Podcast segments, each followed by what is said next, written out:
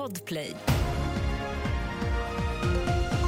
Det här är senaste nytt. Ungerns premiärminister Viktor Orbán har idag bjudit in den svenska statsministern Ulf Kristersson för att förhandla om Sveriges NATO-ansökan. Den ungerska oppositionen har också begärt att parlamentet i Budapest sammankallas för att rösta om det svenska medlemskapet idag.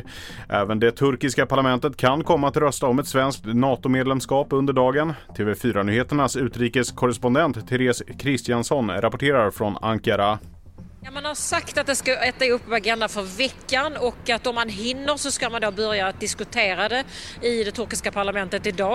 Eh, går det snabbt så kan det, kan, kan, det faktiskt bli så att man röstar även idag. Men det kan också bli så att det tar längre tid att diskussionerna är intensiva och att man röstar kanske imorgon eller, eller torsdag eller så. Den 23 november förra året utsattes Svenska kyrkan för en så kallad ransomware-attack genomförd av en hackergrupp. I drygt två månader har systemet legat nere men nu ska problemet vara löst enligt P4 Jönköping.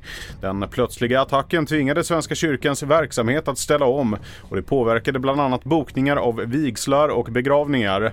Dessutom kan hackarna ha fått tillgång till känslig information om medlemmar och personal.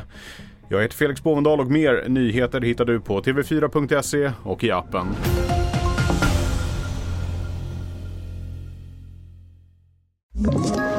Ett poddtips från Podplay. I fallen jag aldrig glömmer djupdyker Hasse Aro i arbetet bakom några av Sveriges mest uppseendeväckande brottsutredningar går vi in med hemlig telefonavlyssning och, och då upplever vi att vi får en total förändring av hans beteende. Vad är det som händer nu? Vem är det som läcker? Och så säger han att jag är kriminell, jag har varit kriminell i hela mitt liv men att mörda ett barn, där går min gräns. Nya säsongen av Fallen jag aldrig glömmer på Podplay.